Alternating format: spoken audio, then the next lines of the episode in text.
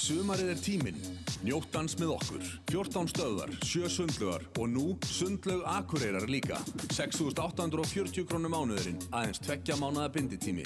World Class. Bætt heilsa, betra líf.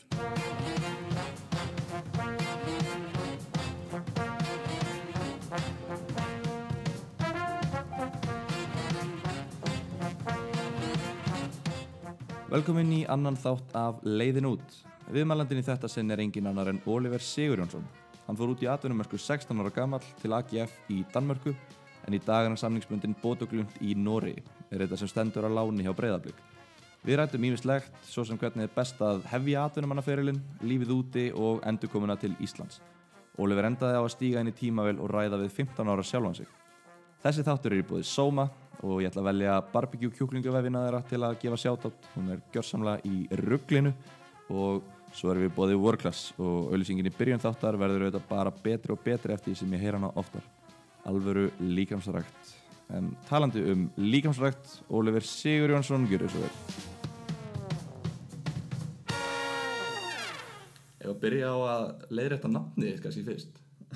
Ég er ennþá að heyra menn í fjölmjölum tala um Oliver. Já, já, það er það er einhvern veginn rosa algengt uh, þegar sé að tala um Ólefur, ég veit ekki alveg af hverju það er sko en hvað þeir hafa það, kannski er eitthvað vinsalt eða eitthvað, en já það fer svo sem ekkert í töðunum að fólk segir Ólefur, en þegar skrifað Já, þá er það svona ah, kynntu þér aðeins gamli.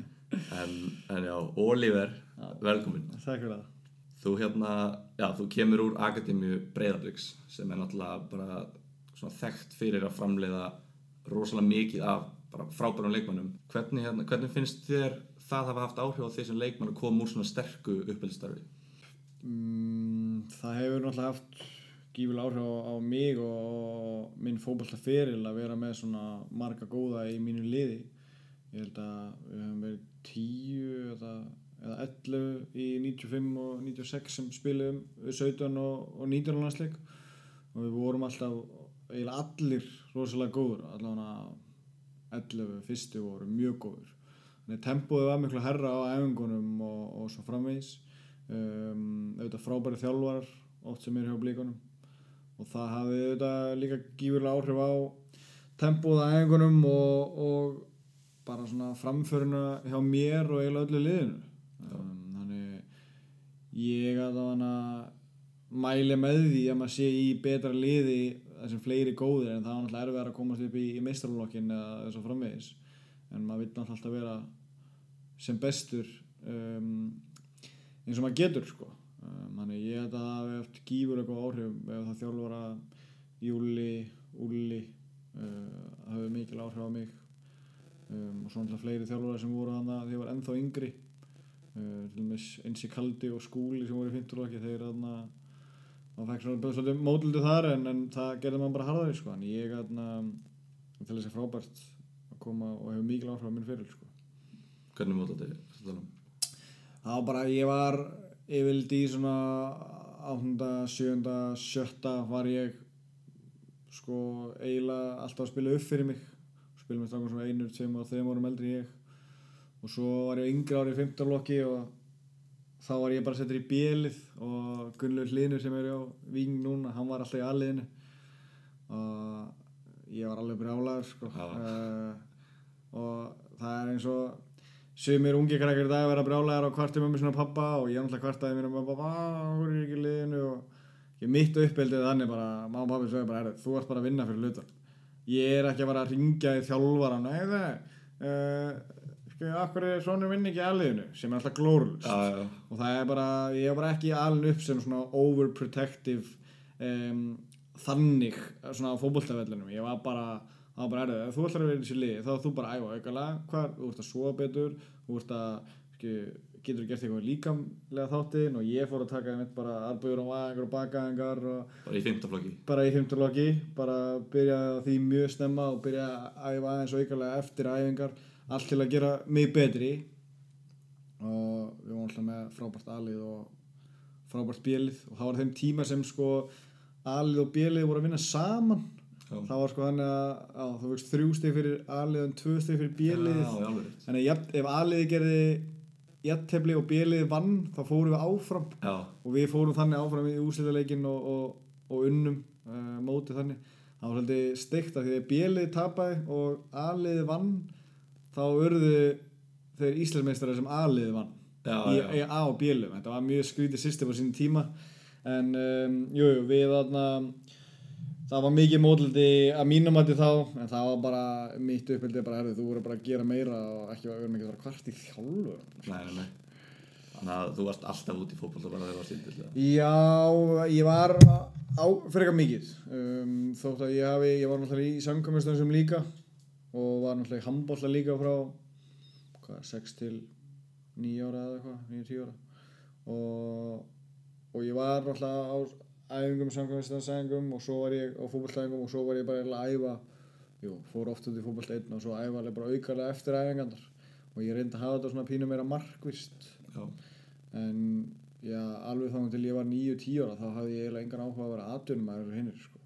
þú veist ekki byrjar að pæla því strax? Nei, ég var svona 9 ekkert eitthvað svaka peppaði fyrir því sko. Já, en, ok en ég vildi alltaf æfa aukalega og ég vildi alltaf vera bestur og, og vildi alltaf, vera, alltaf með þannig hugafar sko. Já. en um, svo einhvern veginn bara svona ég veit, þegar kannski mótildi komandi í 15 loki og ég svona í eldra ári í 15 loki þegar við vorum svona byrja ekki veit, veit ekki aðtegli að vorum að vinna rosa mikið og svona þá einhvern veginn kom þetta meira svona 12 Já, ára og þannig sko.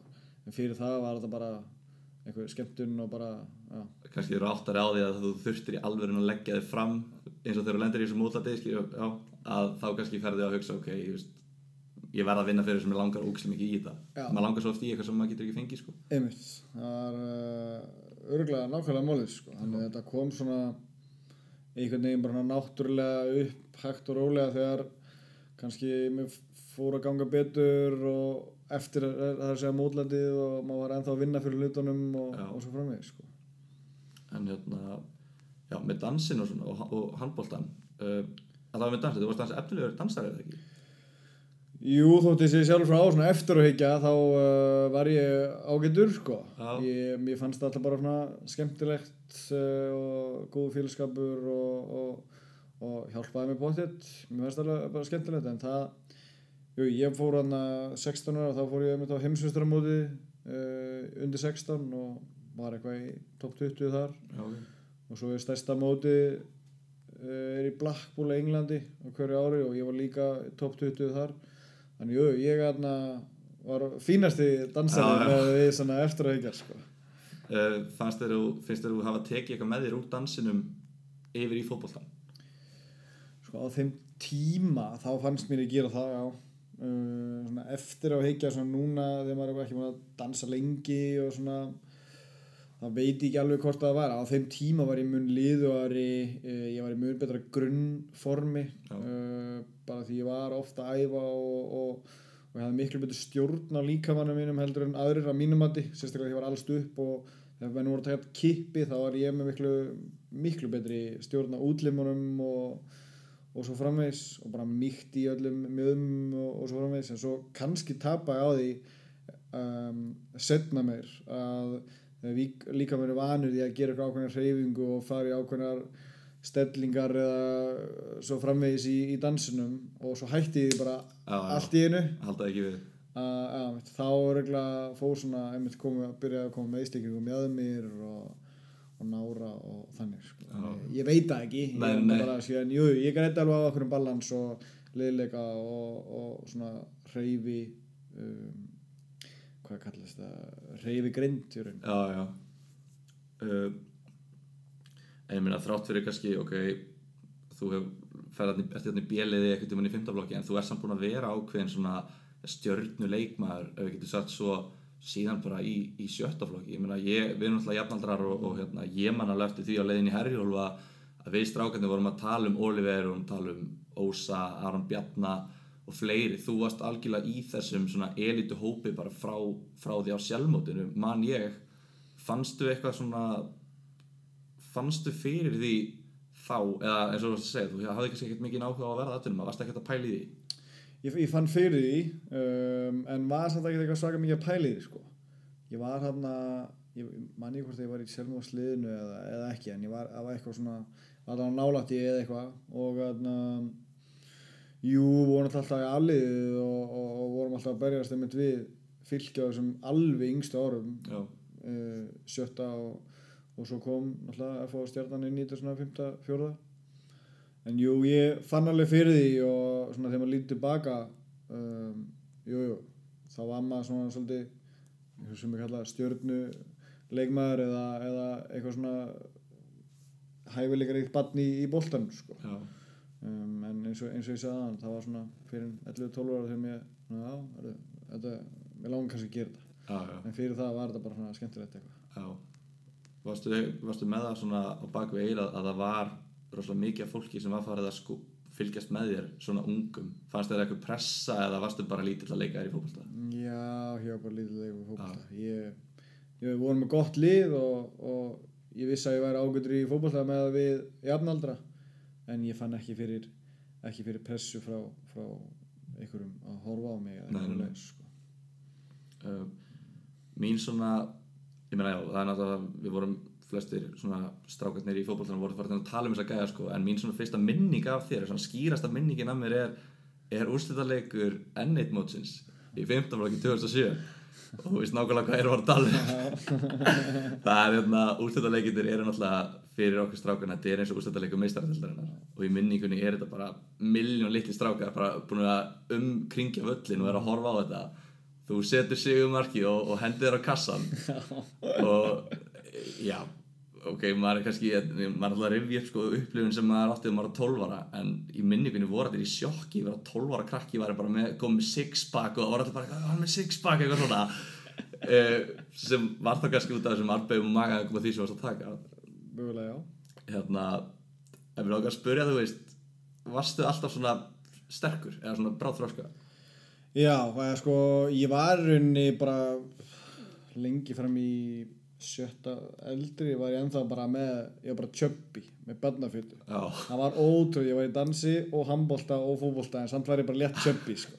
Það var bara ennþá barnafjötu á mér og ég skildi þetta bara ekki. Um, og svo eitthvað að mamma segir oft þessi fræða sög að hún tók mig upp á vídeo, ég var að dansa og og ég var ekki að horfa aftur á vídeo hvað er, hvað er ég? Eitthvað. Og þá "Ah, er það þú þessi hver hann og ég góð, oi, er ég svona feitur eða ekki? Það voru bara uh, fordómar vandalega á þeim tíma. Já, já, um, og ég var bara ósáttu með sjálfa mig uh, á þeim tíma og þá bara hér pappi voru eftir útlum komið með nammi heim þá bara tók ég allt nammi úr skúffinu og bara erðu, gjör svo vel, ég er hættur að borða uh, nammi og sigur í ákveðin tíma. Já, en þá kom líka á svipum tíma kippur hjá mér og ég varð mjög bráðþroska. Þannig að ég byrjaði í 5. yngri og, og, mjög ábyrrandi svo í lók 15 lóks að þá er ég eitt stærsti gaurinn í liðinu. Uh, og ekki alveg með gen í það. Uh, pappi 1.72 og mamma 1.56 eða eitthvað. Já, já, Þannig það var löglust að ég var komin svolítið langt á undan og eins og segir þá kannski með æfingunum og brennslunni í dansinum og, og, og, og svo framvegis. En jú það geislaði svolítið af mér mikið sjálfströð sko. Þá veist ekki í 15 og ekki að vera að henda ára kassan og um, og sumir kallum kalla, ekki, ég hafa sagt að ég hafi verið mjög kokki og mögulega var ég það. Ekki, ég var ekkert með eitthvað þannig greind að ég aðna, var eitthvað svona ég þarf að vera næs við þennan ég var, að mínum að þegar fólk þekkti mig einn og einn var ég alltaf góður og skemmtilegur og svona framvegis en þeir sem þekktu mig svona minna og, og sérstaklega á fótboltavellunum ég hef held ég mjög oft verið svona pínu svona ég alltaf með kassan út í þröngum b- búning og svona svaka kannski pínu kokki á velli sko. Mhm, en ég, mér, mér finnst ég ekki kannski er það vittlust um ég, kannski upplýði mig, mig uh, vittlust en mér finnst ég ekki vera þannig utanvallar og, og, og, svo frammeins en jú, kannski ég myndi kannski ekki mæla með þessu í dag eitthvað ungu græki myndi fara að byrja ofan en það svindurlega þetta var mjög mjög fyndi eftir á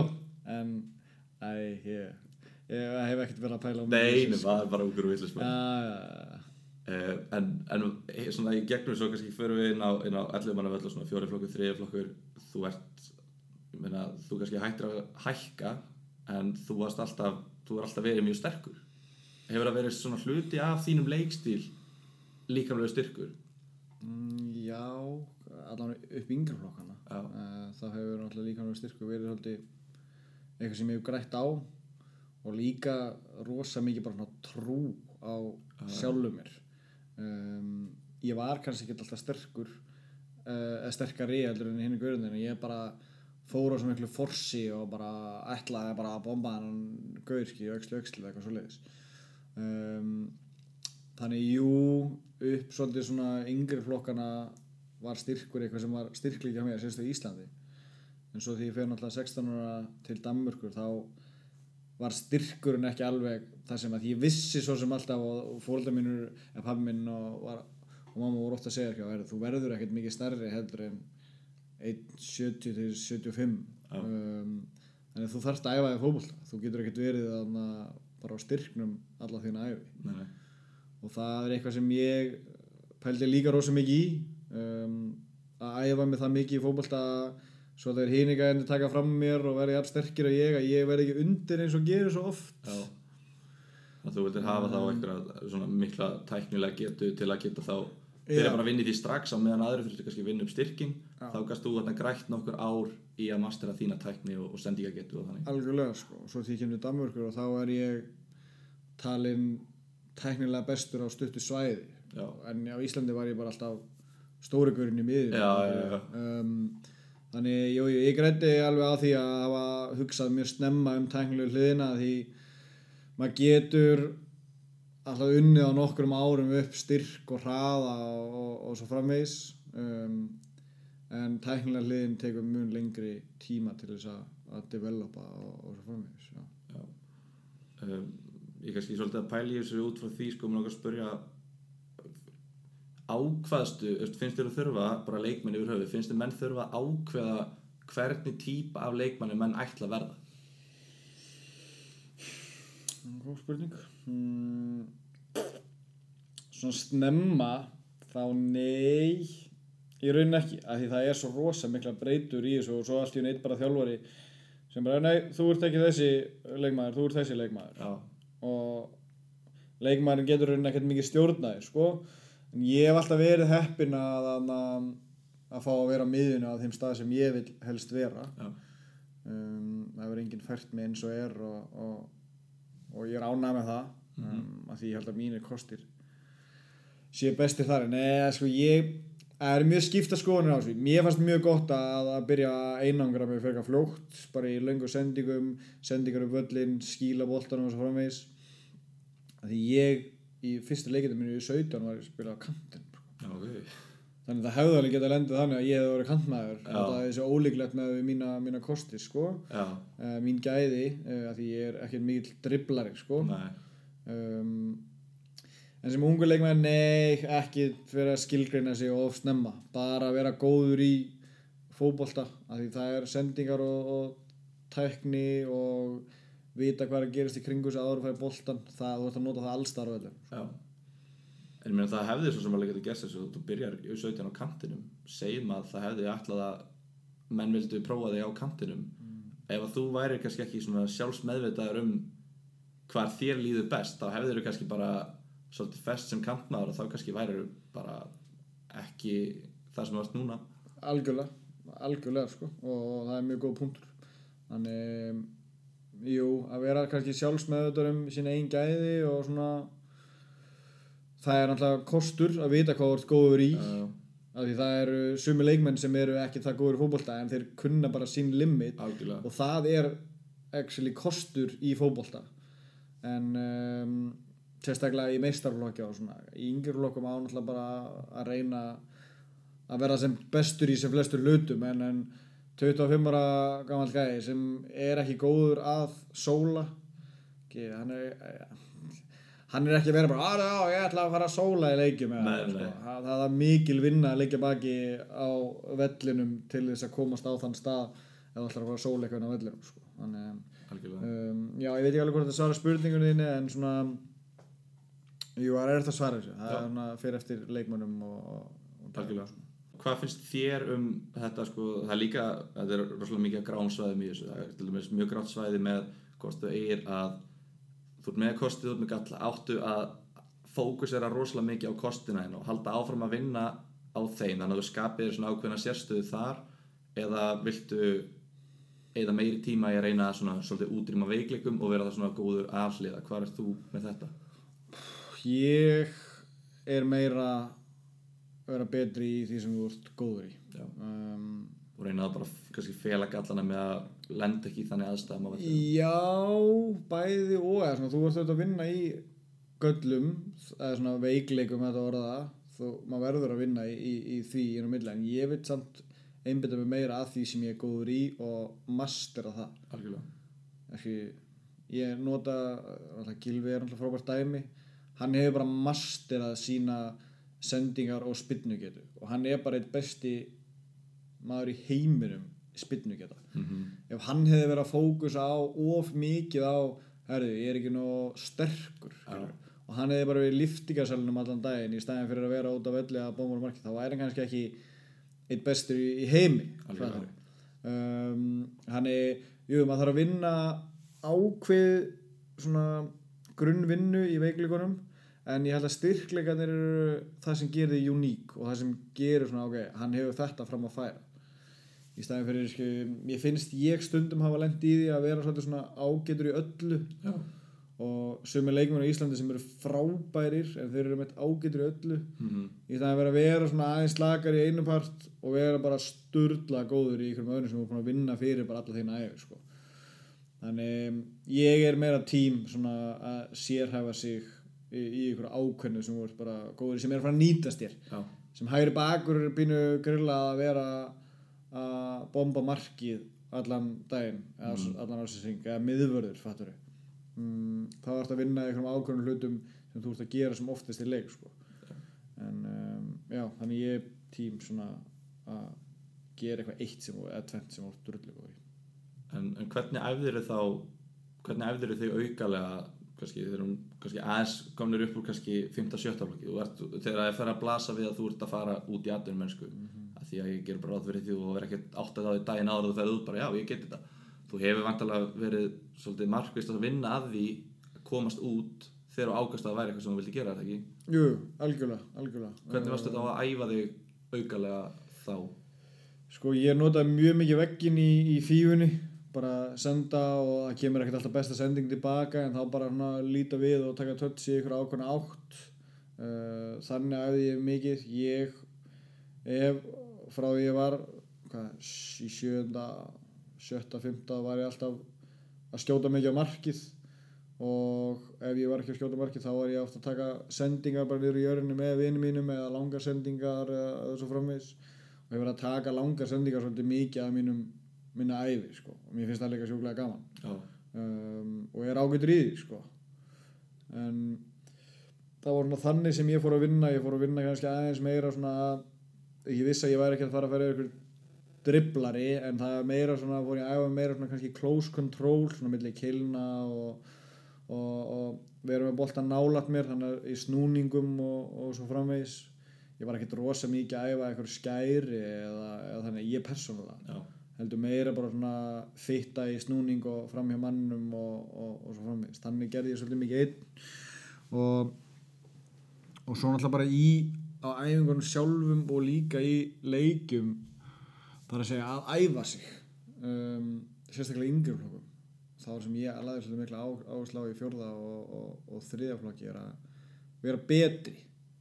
Uh, jú, vissilega vildi ég vinna leikina og ég var með sigur hugafara frá mig en, en ég vildi ekki vera gaurinn sem bara gefur á viðmann og hann lúður hann inn fyrir og það er beitt fljótur og sterkur sem skorar. Það er aldrei að fara að gerast í því ég verði í meistarflokki heldur að undibúa sig fyrir það því ég köfum meistarflokk að vera skilju, ennþá betri. Þetta sé frábæð punktur að því að ég held að svolítið sem að ég hef tekið eftir svona við, við erum að hugsa af hverju urðu þessir svona góðir en ekki hinnir að eins og ég til dæmis, ég er bara mjög gott dæmi um leikmann sem var ekki góður að hérna, ég æfði mig á æfingum til að vera betri en þegar ég var að keppa leiki í fjóraflokki og þriðaflokki þá var það leikur, þá var ég ekki að vera að gera neinn mistöka því að æfingarnir voru til að vera betri leikinni voru bara til að keppa en það verið sem að þið sem að náðu að skara fram úr voruð æfingar til að vera betri leikirnir líka til að vera betri og fjóraflokkur af því að þeir eru komið upp með meistarflokk þá ætli þið að fara gera engin mistök. Eða svona fattar þið, meistarflokksleikir ykkar voru kannski meira eins og þriðja fjóraflöfsleikinni fyrir mér. Já.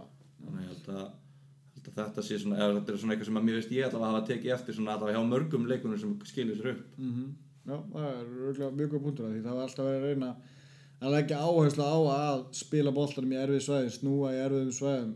Auðvitað ef maður getur að reyna að gera mistök, maður er að reyna að hendast og það glórulistur ákvörðunir er ekki eitthvað, eitthvað afsökun á, er að vera betri.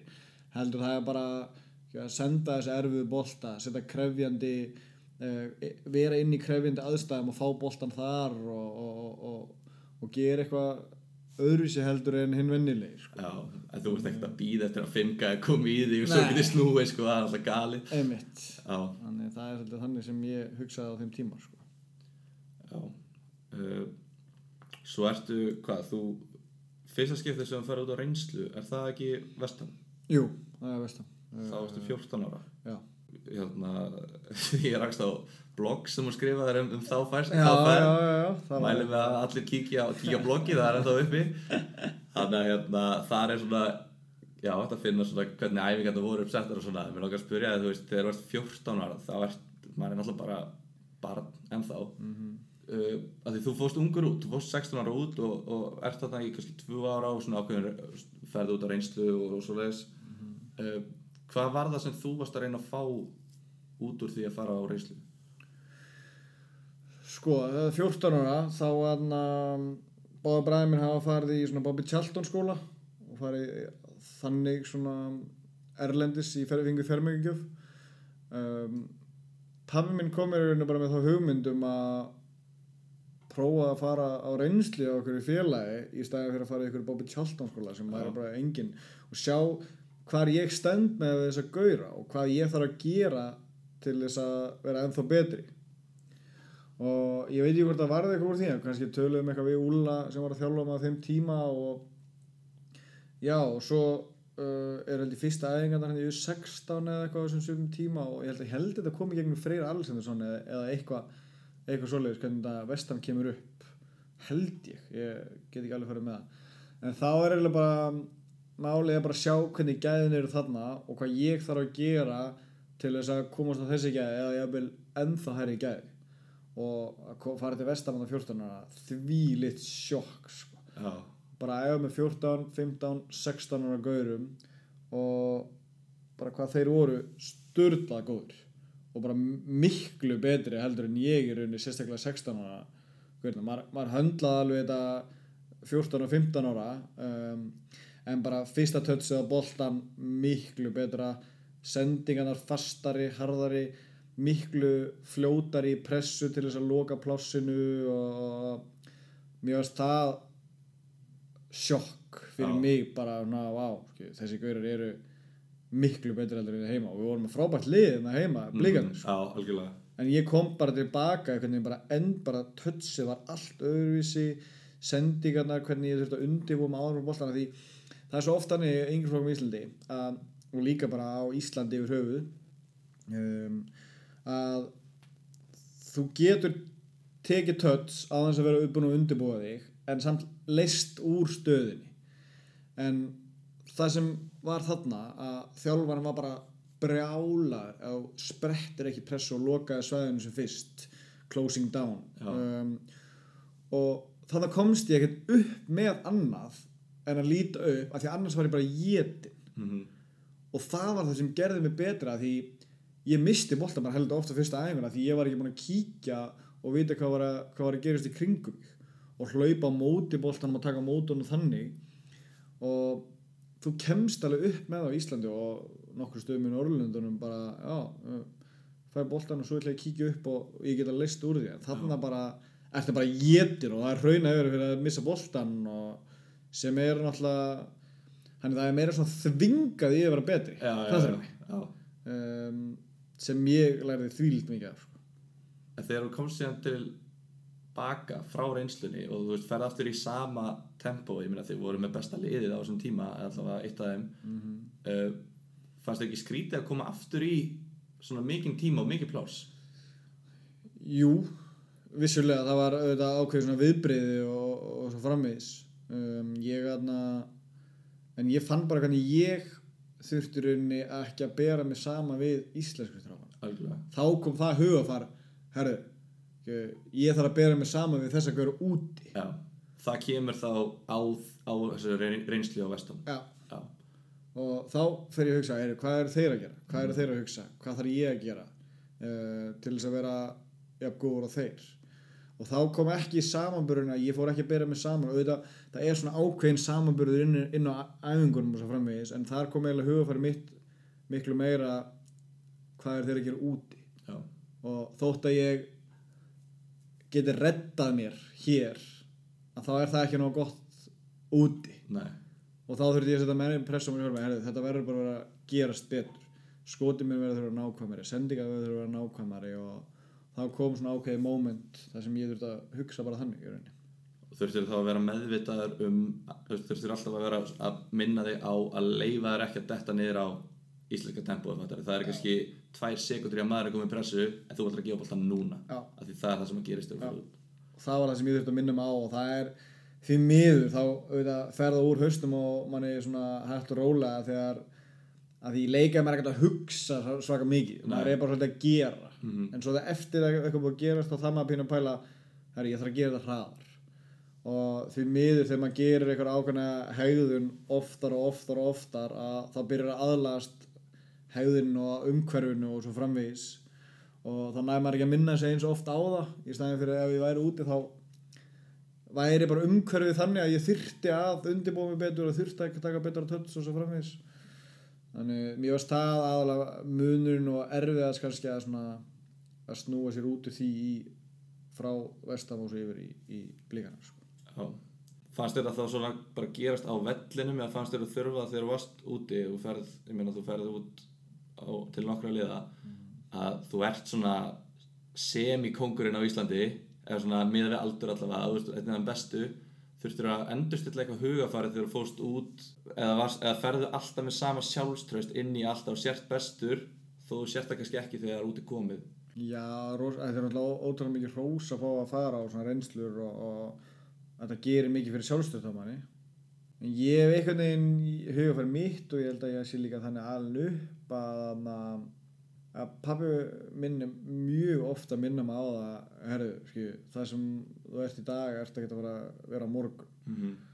og hann var, allt, hann var hrættastur alltaf um það að ég myndi mig tvara of langt í, í hausnum bara, já, nú er ég kongurinn og það er ekki að leggja mig fram og, og, og svo framvegis. Já, við erum alltaf bara fastur að bera það saman við íslensku jafnaldrarna Já, hann, hann fór alltaf að setja pressa á mig erður, ekki, nú þarf þú bara að delivera þú ert að, að vera eitthvað hérna, hér- hérna áður en þú ferð eitthvað, út. Mm -hmm. og jú, vissulega ha- hafði maður sjálfstörist og maður hugsaði á ok, fyrst að ég er að fá að fara hann út ég, ég er örugglega einn af þessum bestum. Og það Já. er svolítið svona umhverfi sem er að segja það og það er svona litið á þig þannig og, svona, og þannig einhvern veginn byggist bara upp svolítið sjálfstörist hjá þér þegar þetta kemur sko. en jú, ég tel mig hafa ágæðlega náða svona svitsa haustum inn á milli uh, þótt að ég, hef, ég stundum hefði viljað fá stundum meiri pressu bara hann herðu þú á æfingum frá kannski þjálfurum eða leikmönnum eða svo framvegis bara herðu, þú þarft bara að gera betur. Já, það er ekki nóg gott að vera bara bestur hér. Þú ert að vera bara langbestur og, og það er eitthvað sem mig langar að nota í minni þjálfun ef ég er með eitthvað góðan að ekki vera að bera saman við kannski gaurinn á æfingun heldur en ekki láta hann vera ennþá betri og, og, og svo framvegis. Þannig ég jú, það var stundum erfitt að stilla hausinn en mér leið alveg þannig að jú, ég var einn af einn af bestu á landinu bara út frá umhverfinu og, svo framvegis. En það var ekkert svakalega erfitt að stilla sig aftur niður fannst mér sko. Kemur úr fótbolta fjölskyldu já, uh, mamma mín er reyndar ekki úr fótbolta hún er að spila hann handbolta í varki þegar hún var yngri. Já, en pappi á meistarvöldleiki með Þór og, og Blíkonum og svo á elsti bróðum minn uh, hann var 16 ára spila meistarvöldleiki á Blíkonum já, og var efnilegur leikmaður uh, 17 og 19 leiki. Og svo á miðjubróðum minn, hann var líka alltaf í, í fótbolta. En hann spilaði hann var yngri flokkur Blíkonum og spilaði á eitthvað meistarvöldleiki með, með Viking en þeir báður til miður uh, kviðslitnu báðu megin. Á auðvöru stundu þannig að þegar þau voru að komast inn í meistarlokk og, og svo framvegis. Þannig að það mist datt svolítið áhugin niður hjá já, já. En hversu mikilvægt finnst þér að hafa verið að hafa þetta fólk í kringum þess að eitthvað svona eldri sem getur gefið þér alvöru ráð upp á þetta? Var það fjölskyldan mestmægnis eða voru þetta þjálfararnir? það er alltaf sem að stað heima og svona það er uh, það er alltaf fjölskyldan og, og, og mamma mín er með mjög mikið svona sigur hugafar og eins og ég talaði um aðan ekki, hún er ekki að vera kvart ykkur þjálfara. Nei, hún er bara, er, þú vinnur bara fyrir þínu hlutum sjálfur. Já, og hún kom með svolítið svona sjálfströst hugafarið og, og svona vera bara besta útgáðan sjálfur og bara þú ert flottur gaur um, en svo vissulega hafa þjálfarandi mikil áhrif á minn fótbolta fyrir þannig séð sko á æfingum og, og eins og Júli í fimmtarblokki hann tók mig bara eftir bara nokkra dag og sagði, þú er bara fyrirlin í hópi og ég vil bara að þú hana, leiður okkur til árangus og við ætlum bara að vera bestir saman. Og segja þetta við stráka á 15 lokið það er bara á, Já, já, næs já. skilur. Og við erum bara á, ok, pepp það var æfinga við meistarflokki í næsta mánuði. já, einmitt, það er bara Liggur- næst í þannig sko. Já. það ekki og það er svolítið með Júla maður er tilbúin að gera allt fyrir hann að því það lítur út fyrir hann sé tilbúin að gera allt fyrir þig allavega að gera í mínu tilfelli Já, sko. já. og þeir höfðu þetta mikil áhrif á minn feril hvernig ég hugsa og hvernig ég vil vera betri og svo sem fjölskyldan hafi alltaf svona á hvað það er á jörðina þegar ég að líða eins og sért bestur E, já, já. Já, þú ert náttúrulega ungur samt þegar þú ferð út, ert 16 ára. Var það, lág alltaf fyrir að þú myndi klára grunnskólan fyrst eða hefur þú getað farið út fyrir, fannst þér? það var bara, ég ætla alltaf að klára grunnskóla um, það var, annað hefði verið bara glórlust um, ja, ég var ekkert eitthvað svaka mikið að pæli að fara út uh, eitthvað 15 ára þá er þetta svona, svolítið svona á, er, er eitthvað að gerast og, og AGF vildi bara fá mig þegar ég var hana í nýjöndabekk uh, en ég vildi það ekki alveg á þeim tíma. Og svo kemur alltaf upp þetta AC Milan æventýri fyrir reynslu þar. Um, það er náttúrulega bara ótrúlegt og, og var alltaf mikil heiður í mínum huga að fara þanga og svo að þeir heldur að vera með einhverju prumkallar sko já þú svo, Hjörtur sem fóruð til AC Milan já, í, þeir komu með knastmennskóla hingað já, til Íslands sem að við fórum báður í og þú varst valinn. Já, já Eppin, það var 50-50 hérna, það byrjaði þar er það ekki og í kjölfarið kallaði þeir ykkur tvo reynslu. Já, þið farið tvísar út. Já, fyrst getur fyrir út og, og stöndum okkur nokkuð vel uh, að mínum mati. Ég skoraði hana fínasta mark og, og Hjörtu var líka bara mjög solid. Og þá föttur að við vorum ekki bara prumkallar frá Já, Íslandi já, já. Sko, og vildi skoða okkur svona almennilega aftur. Mm. Uh, sem alltaf bara sturlaður heiður sko. helstu þá að þú værir bara að fara til AC Milan? Eða þegar þetta kallar aftur út er það ekki svona wow? Jú, það er einmitt svona wow, skil, þá færði það moment inn í hausinu það er bara, er, okay, er þetta virkilega að gerast? En ég var alltaf bara, er, það er bara heiður að vera eða uh, sjáum bara hvað gerist en ég býst ekki við því að fá að væri bara sturlaða bónus að fá að fara hana já, hefðuru byrju þeir, já, og svo er það þannig að uh, við förum í sinna skiptið og þeim líst svakalega vel á okkur. Og uh, ég skoraði held ég aftur hann í sinniferðinni og stóðum okkur bara báður vel og við vorum alveg á leveli við þá.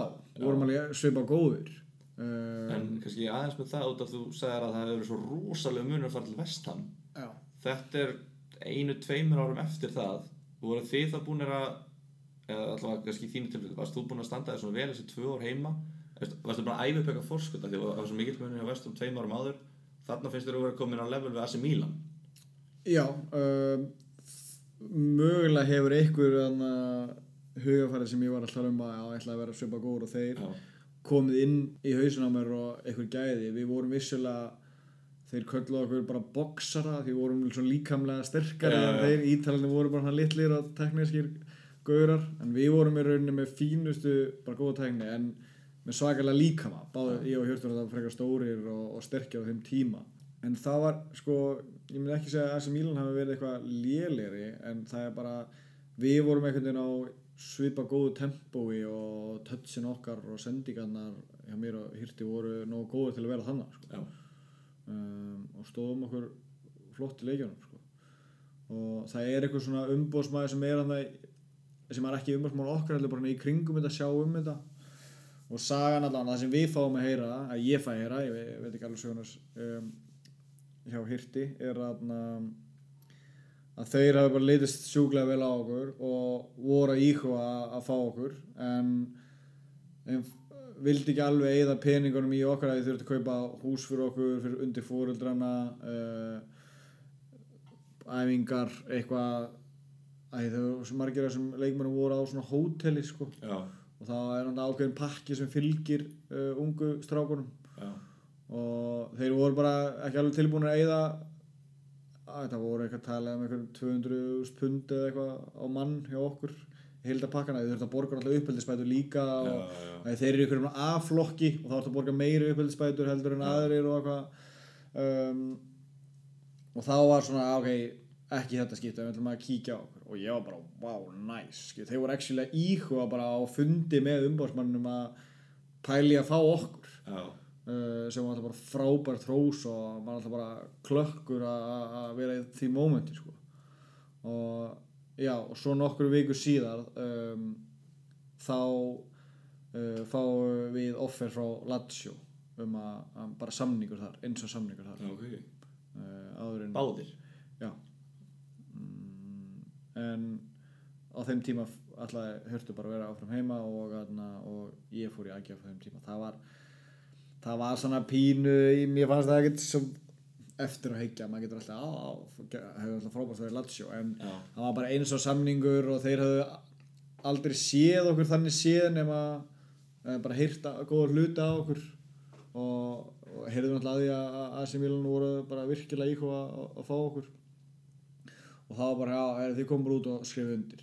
Já, já. en við vorum meira svona, er, við vorum frekan að koma reynslu og kíkja aðstæður og, en það var ekkert tanni í bóði á, á þeim tíma og það var ekkert eh, ég, allan mér fannst það svona á þeim tíma var mér bara miklu betra að fara til AGF að ég þá planum að ég myndi fara bara inn í meistarlokinu innan 2-3 ára. Já, en í Lazio var þetta já, Íslendingar komið bara sjö og já, já. sjö- Svo sjáum við hvað gerist. Já en eh, já, þannig er allavega AC Milan svona ferðin þegar þarna já, þegar ég var 16 ára. Já, stóð þá eh, svona, stóð þá á milli Lazio og Agia, fór ykkur fleiri lið sem að, ekki á þeim tíma ekki sem ég fekk að, fekk að heyra af. Um, það var eiginlega ég var ekkert búin að spila mikið á international vettfangi nei, það voru einhver svona eitthvað tal um einhver lið hér og þar en það var aldrei eitthvað að, að viti. Nei, og þetta pínu leiðileg saga með blíkana á þeim tíma. Uh, ég neitaði að skrifa samning 15 ára hjá blíkunum af því að það var rálætt út af þessu AC Milan dæmi ég vildi bara halda því opnu.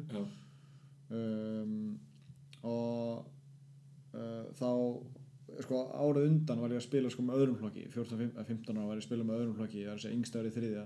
Já, uh, og svo er ég komin á elsta árið þriða og þá var þarna ef ég bannað að æfa mistralokki og öðrum flokki þá myndir ég undir samning. Já, ok, ekki ég raunin mátt ekki skrifa undir samning fyrir en þú ert orðin nanna 16 ára. Já, þannig að þetta átt að vera eitthvað undir borð samningur eitthvað. Já, En það var önnur stjórnheldur en núna á þeim tíma og blíkandi lærðu rosa mikið af því af mér. En það var mjög leiðilegt að vera að spila 5-6 leiki með öðrum flokki á yngsta ári í þriðja og, og endum með öðru seti í Íslamótunum þar að æfa með meistrarflokki og svo allt í hennu bara herru nei, þú ert bara að æfa með þriðja núna. Já, ekki neitt. Og það var líka svolítið, það var mjög leiðilegt og það er rauninni svona vil ég meina eftir á, auðvitað vildi ég fara út 16 ára til að fara sem fyrst út og svo framvegis en það var ekkert sem lág á en það þrýsti mér pínu út til Já. að gef og, og maður getur alltaf verið að hugsa eftir á eitthvað svona, á þetta hefði gerst að- þetta, ég græði ekkert á því. Nei, en svo náttúrulega árið síðar eitthvað, á þeim tíma þegar ég er að auðvitað með þriða þá er Hjörtur að spila meistarflagi fylgis já, með Óla Þóra þar og þá kemur PSVF upp sem alltaf æðislegt fyrir Hjört og samglýðist honum rosa mikið og hann hefur alltaf grætt svakalega mikið á því. En þannig að já, AGF var bara best á þeim tíma og mér fannst það fínasta ákvörun og sé ekkert eftir því uh, að því ef ég ætla að sjá eftir ykkur þá, ekki þá er ég nú bara heima greinandi en, já, sko, uh, að það var besta ákvörun á þeim tíma og mér leist vel á það en eftir að ekki hefði náttúrulega verið frábært ef ég hefði bara fengið að æfa með meisturlokki og vera kannski eitthvað í kringum það og við komumst náttúrulega svo lokamóti hann árið síðan þegar hann fyrir PSV hann hjörtur og Já, eftir það myndaðist þeirra miklu meira áhugi heldur en árin áður sko.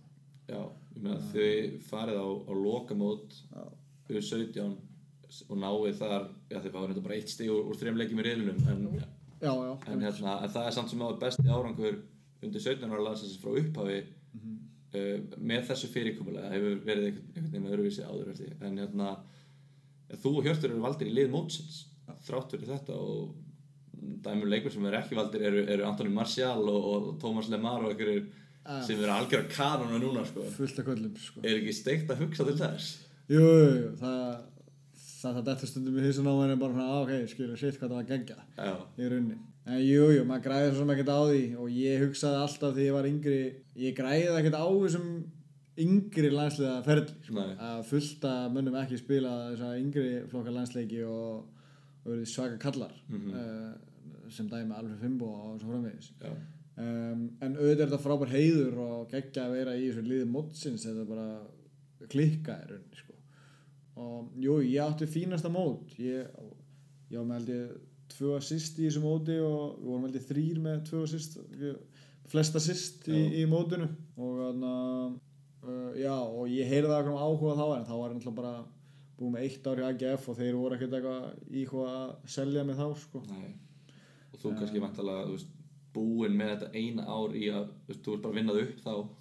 Algjörlega og sem dæmi mögulega ef ég hef ekki verið hjá AGF eða eitthvað svona hvort ég hefði verið nóg góður í þessum undakefnisleikjum þannig að við hefðum farið á EM eða ekki og Mhm. ekki, þá veit ég ekkert hvort að ég hefði farið út yfir höfu því kannski hefði við ekkert verið á lokamótinu ef ég hefði ekki verið í eins góðu formi eða það er svo já. margar breytur sem er að pæla í sko, þannig það þýr ekkert að vera að pæla of mikið í því að þetta ræði þetta og mér Já. að ræði þetta og að um það er ekkert sem er eitthvað hægt að breyta núna sko. Nei, en eins og segir, það, það tilgjómsvægt að vera eitthvað að líta tilbaka og vera eitthvað, maður er ekkert að fara heim að grenja en, en maður getur náttúrulega tekið reynslu og, og lært helling af henni Mhm. í þessu, þegar þú varst að hefðir þú frekar vilja fara eitthvað út á meginlandi eða þegar svo mikið verið að pæla sko, hvernig á maður að byrja sinn það er alveg krúsjál Já. hvernig hann hefst Mhm. og ég meina, ég veit um dæmi við það sem að leikmennu hafa fengið tilbúð sem ég er kannski of góð til að vera sönd það, það er ekkert endilega frábært að fara til Liverpool eða Manchester United sem fyrsta lið Nei. þannig að hérna, hefðir þú vilja frekar fara í einhverja stærð, ég meina eins og AC Milan eftir á heldur en AGF sem er kannski svona rökréttari kostur í, í uppbyggingu á, á þínu ferli? Já, ég var náttúrulega líka íhuga hvort ég ætti að velja AC Milan að AGF sem er þetta glórulust eftir að hekja sko. en það var enn bara fyrir fyrirlin að ég vildi byrja að spila meistarhaldleiki sem fyrst. Já, af því ég var svona aðeins búin að kíkja á þessu auðvitað einsvarsleikmenn sem voru 2011 það var náttúrulega Aron Gilvi og Birkir og, og allir þessi kalla sem er í landsliðinu núna, Jói og svona. Og það var að sjá þeir voru flestir að byrja að spila meistarhaldleiki í kringum 17, 18, 19 mm, hjá sínum liðum. Hjá sínum liðum. Og ég taldi það svona frekar ólíklegt hjá AC Milan. Eða bara mjög ólíklegt. Já, þannig mín hugsun var ok, hvort er ég að fara í AC Milan vera betri og fara niður á við eða hvort ætla ég að fara í AGF spila og vinna mig upp á við mhm, og þetta er þetta bara svona já, ekki, hvort vil ég þetta að þetta? Nú sér eins og Hörðubjörgvin, hann er búinn að taka frábæra leið upp í Juventus fyrir aðeins niður og er svo komið upp fyrir um aftur núna. Um, á meðan þú sér kannski Birki Bjarnar sem er einmitt bara á láni á Bótó og er svo í einhverjum norskum liðum og, og svo er hann bara múin að vinna þessu upp á, á frábært algjörlega, þú getur gert bæði. Þá getur alveg gert bæði en það sem ég myndi kannski mæla með að, að hefði átt að gera eftir á sem ég geta lært af að það er rauninni frekar að fara í starra lið af því að ef þú ert ekki að koma að stara að þá er alltaf liðin sem eru slakari sem vilja fá þig. Mm -hmm. Eins og- Fyrir skrána spila svolítið, virðist spila mjög mikið Já, algjörlega.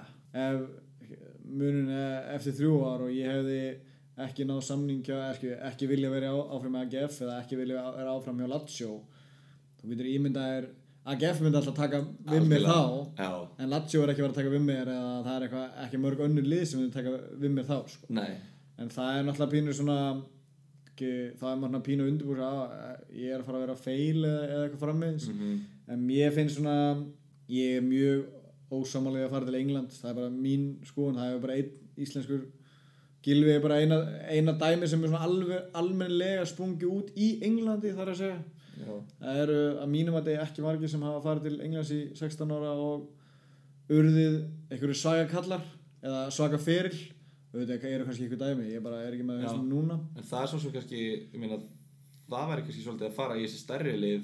Ég meina, ef þú ferð til Liverpool, ættir þá ekki líka að geta að fara til AGF eftir á rauninni. algjörlega og það er alltaf sem uh, Guðlu Viktor gerir. Uh, og hann er að eiga uh, er að standa sig rosa fínt núna. Mhm, hann fer hann til Liverpool og svo fer hann einmitt í Bandaríkjadildina og svo framvegis en uh, ef hann hefði bara verið hjá AGF en, ennþá eins og, eins og hann var mhm, að ef hann ekki spilað misturleiki þá var hann ekki hjá MLS og núna örug, öruglega ekki núna í byggameistar í Sviss og svona þótt að maður veit aldrei. Nei, en ég held að hollenski skólinn sé bara bestur. Ef þú ert í stórliði í Hollandi mhm, og þá er þarna sem ég er með haustum bara og sér bara uh, allir sem hafa verið PSV allir íslendingar er að eiga frábæran fyrir Já, já, Eður Smári, Hjörtur Albert er í hóp hjá PSV og getur vantilega verið að spila í öllum liðum í, í Hollandi.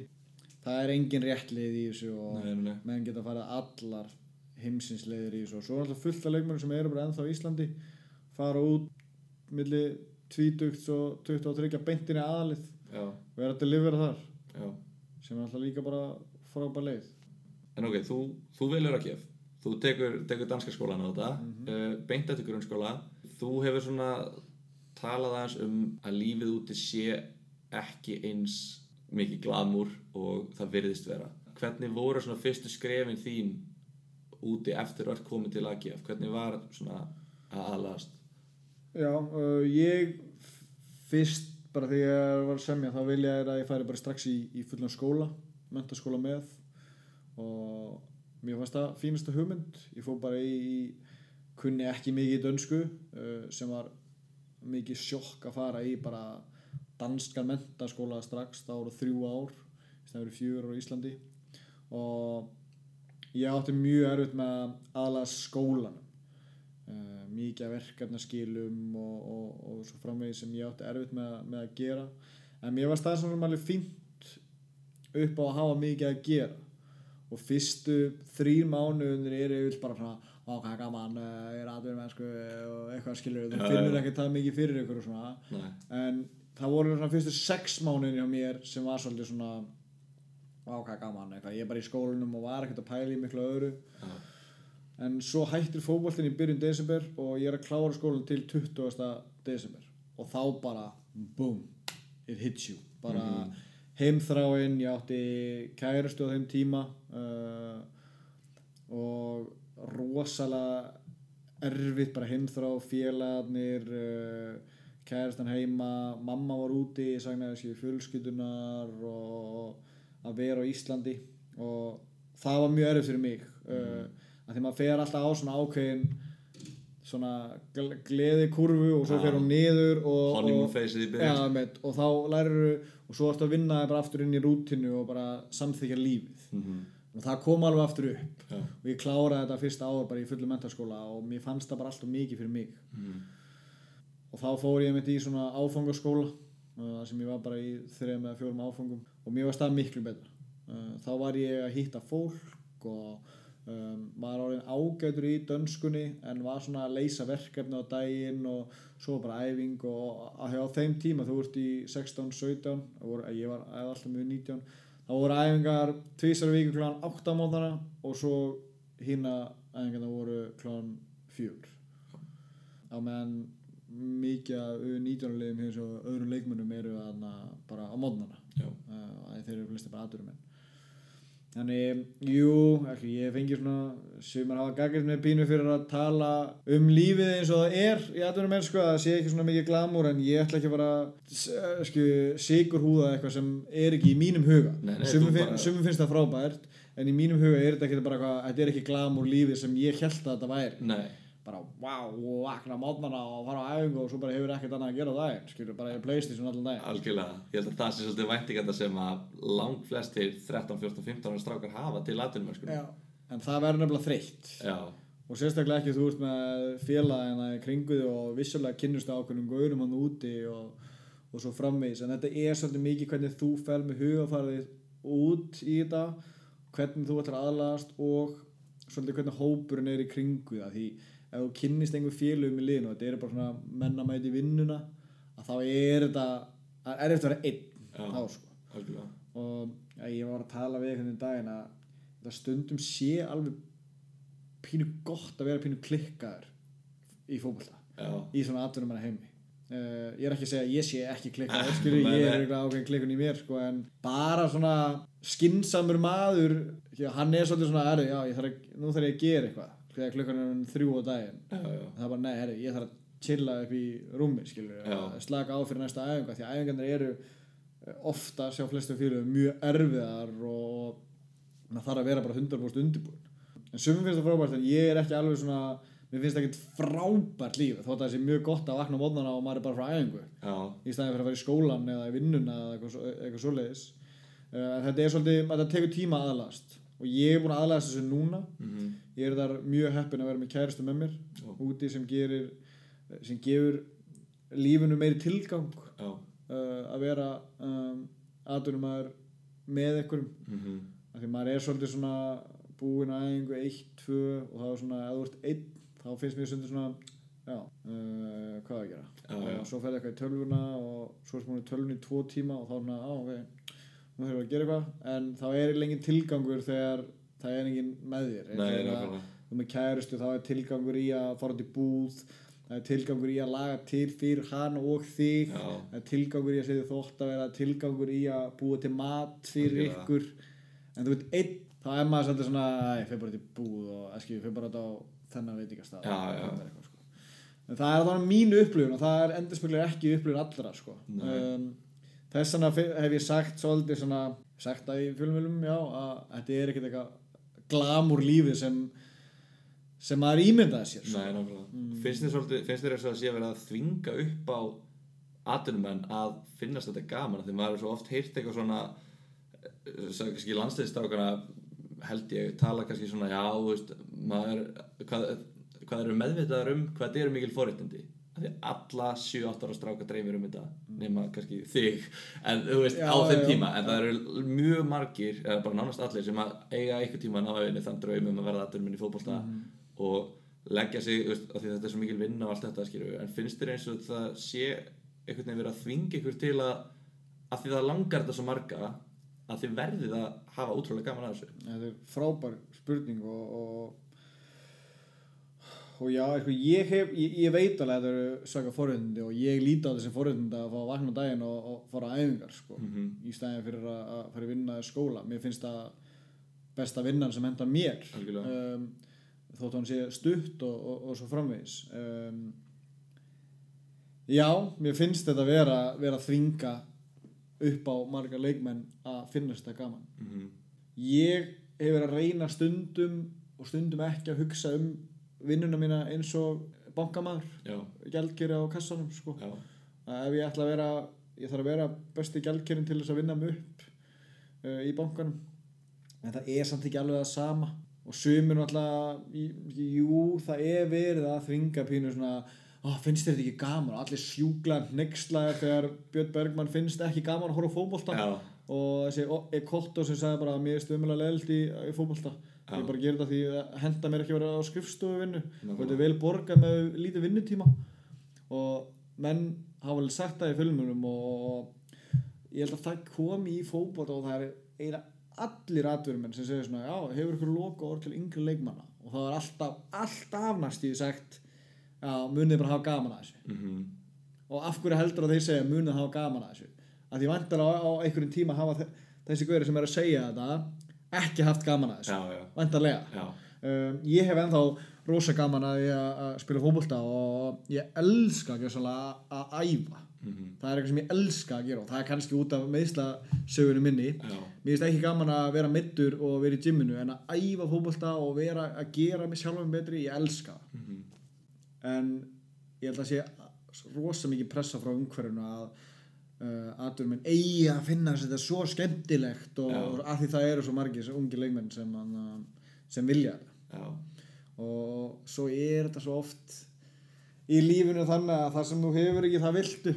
Já, og þessi leikmenn hafa hennan draum frá yngur flokkum og, að vinna við það sem þeim dreymdu um. Nú hafa já, og þá er svo oft eitthvað svona að ég væri til að vera að gera eitthvað annað. Mhm, uh, á meðan þeir sem eru einmitt í skóla eða mentaskóla er bara, hvað ég verði til að vera en það er svolítið, svo- þetta er, þetta er eins og við tölum um að, þetta er, þetta er oft þú að vilt það sem þú hefur ekki sko. en heilt yfir væntanlega mjög jákvæmt já, já, já þegar maður er búinn að venja þessu, þú ferði upp svo kemur niður sveflan, svo þú komin í miðin aftur, þá er þetta einmitt, þú þarf bara að samþykja það að það eru félagarnir eru ekki þú Já. bara að vera í sambandi við þá á netinu. Þú þarf að samþykja það að fjölskyldaðin er ekki. Og þetta er pínu svona að samþykja umhverfið þitt á þessum ákveðnum tíma. Mhm, um, eins og ég hugsa ég ætla mér alltaf að búa á Íslandi því ég kem heim. Já, eða þegar ferlinn er búinn já, sumir eru ekki að hugsa þannig. Sumir eru að ég er bara bý hérna það sem ég vil vera. Og sumir hata Íslanda menn ég elska Ísland og, og, og, og svo framvegis. Þannig, jú, fannst að fara með réttar þú veist, væntingar út af því maður er með brenglaða væntingar þegar maður er yngri. Þegar það kemur að því að fara út þá hefur væntalega einhver sagt þér ok, þú ert að fara út, þetta er ekki eins og þú helst fannst þér úr samt vera með ofháar væntingar? Mm, eða vissir alltaf að þetta kæmi og þetta, þetta er bara vond þegar þetta kemur? Já þetta er eiginlega svolítið já, það er svo erfitt að undibúa sig fyrir erfiða tíma. Já, já, það er eiginlega ekki hægt að vera bara hausnum erfið, ég ætla að aðlagast svona það er ekki bara erfiðu tími já. En þið líður bara illa þegar að þið líður illa Já. það er bara og þannig þá verður maður bara svolítið að tækla það með aðgerðum í staðin fyrir að vera vorkina sjálfur sér, allir lægi vorkina sjálfur sér smá mm. en svo þarf maður eiginlega bara að setja eitthvað í action fara í ykkur, setja ykkur markmið ég gera það mjög mikið með því að læra Mm. um, vera að læra eitthvað, mér finnst það ekkert alltaf gaman að að læra en það er bara að gera eitthvað. Já, og mér finnst frábært þegar mennur eru eitthvað með að fara í gólf eða setja bara eitthvað bara heimskuleg markmið eitthvað sem ég langar að gera uh, bara til þess að fá tilgang fyrir ykkur öðru heldur en bara fótbolta. Já. þegar þú ferð út þá eru þarna fyrir í AKF eru Aron Jó, er það ekki? Og Arnar Jú. og þú náttúrulega ferð út með hérna, Dodda. Mm voruð þið, var svona, og svo kemur Orri Sigur kemur mér að segja, hálfur eftir mér. Já. Er þetta ekki svona, myndaðist ákveð svona íslendingar samfélag fannst þér það gera mikið fyrir þig að hafa þá að nálat voruð þið góðu vinnir eða, um, ég fyrst saman með uh, mitt uh, já, Þórður Jón Jónusson Jó, Jóhannesson held ég sem er að spila með haugur núna. Og fyrir miður þá var hann bara eiginlega mittur allir tíma já, og hann fór með uh, pappa sínum já, já. Og hann fer eiginlega heim um jólinn þegar Orri kemur. Já. og Orri kemur uh, einn á meðan Aron var í rauninni með pappa, sínum og svo var, var hann einn svolítið Aron Jó.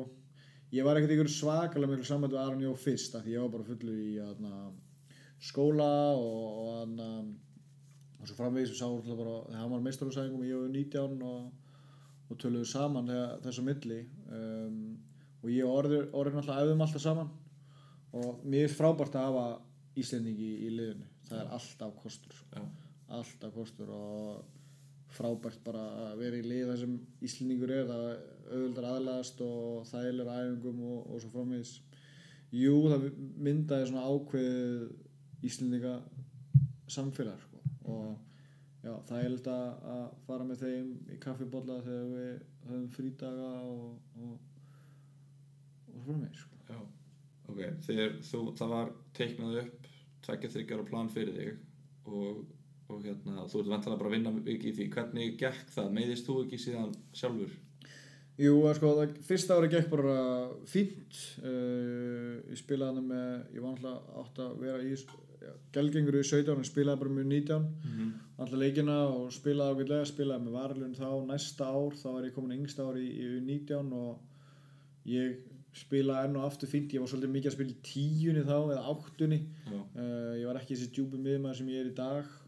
Um, og mér fannst allt í lægi uh, fínt að vera þar en mínir, mér fannst mínir kosti liggja aðeins, aðeins aftar á öllurum sko. en já við lendum í öðru seti að á öðru árunu einu leik frá því að töfum við síðasta leiknum annars hefur orðið danski meistarar. Og uh, var svona stundum inn á meistarlósæðingum eða aðleinu sem sagt. Og ég var svolítið svona misjafn inn á æfingum stundum var ég frábær og stundum var ég bara lélugur í raun æfingum og, og, og þjálfarn sem var á þeim tíma um, hann er pínu klikkaður, bara eins og margir þjálfar já, já, uh, og hann fílaði bara ekki þegar menn voru ekki bara bílað góðir. Já. Uh, og var ekkert eitthvað svaka mikið á þeim tíma að gefa yngri leikmennu sjens vissulega það var ekki að ganga vel í liðinu um, það var uh, mikil pressa frá bænum uh, og svo framvegis. Þannig ég og einn sem heitir Markus Solberg sem spilaði með fjölinni hérna fyrir, fyrra já, uh, og Orri voru svona efnilegustu gaurarnir. Hann gaf okkur rosa rosa lítinn sens um, hafði ekki þólamæði fyrir okkur sko. og já, það er svona gekk bröðslega annað árið og svo síðasta árið þá er henni býst við því að ég bara fara að æfa á fullum með, með aðlinu og ég æfa aðeins meira með þeim. Ekkert svakalega mikið það gengur hræðilega þannig þetta halva ár fyrsta halva ára af síðasta samningnum. Og hann vil bara ekki sjá unga leikmenn og, og hann er rekin og þá tekur sko gamlu 19 þjálfarinn við. Uh, og ég er á, hei, herru, nú er ekki tækifæri eitthvað. En þá er mitt meðist ég uh, á læri og er mittur mjög lengi uh, fjóri mánuður eða, eða, eða svo.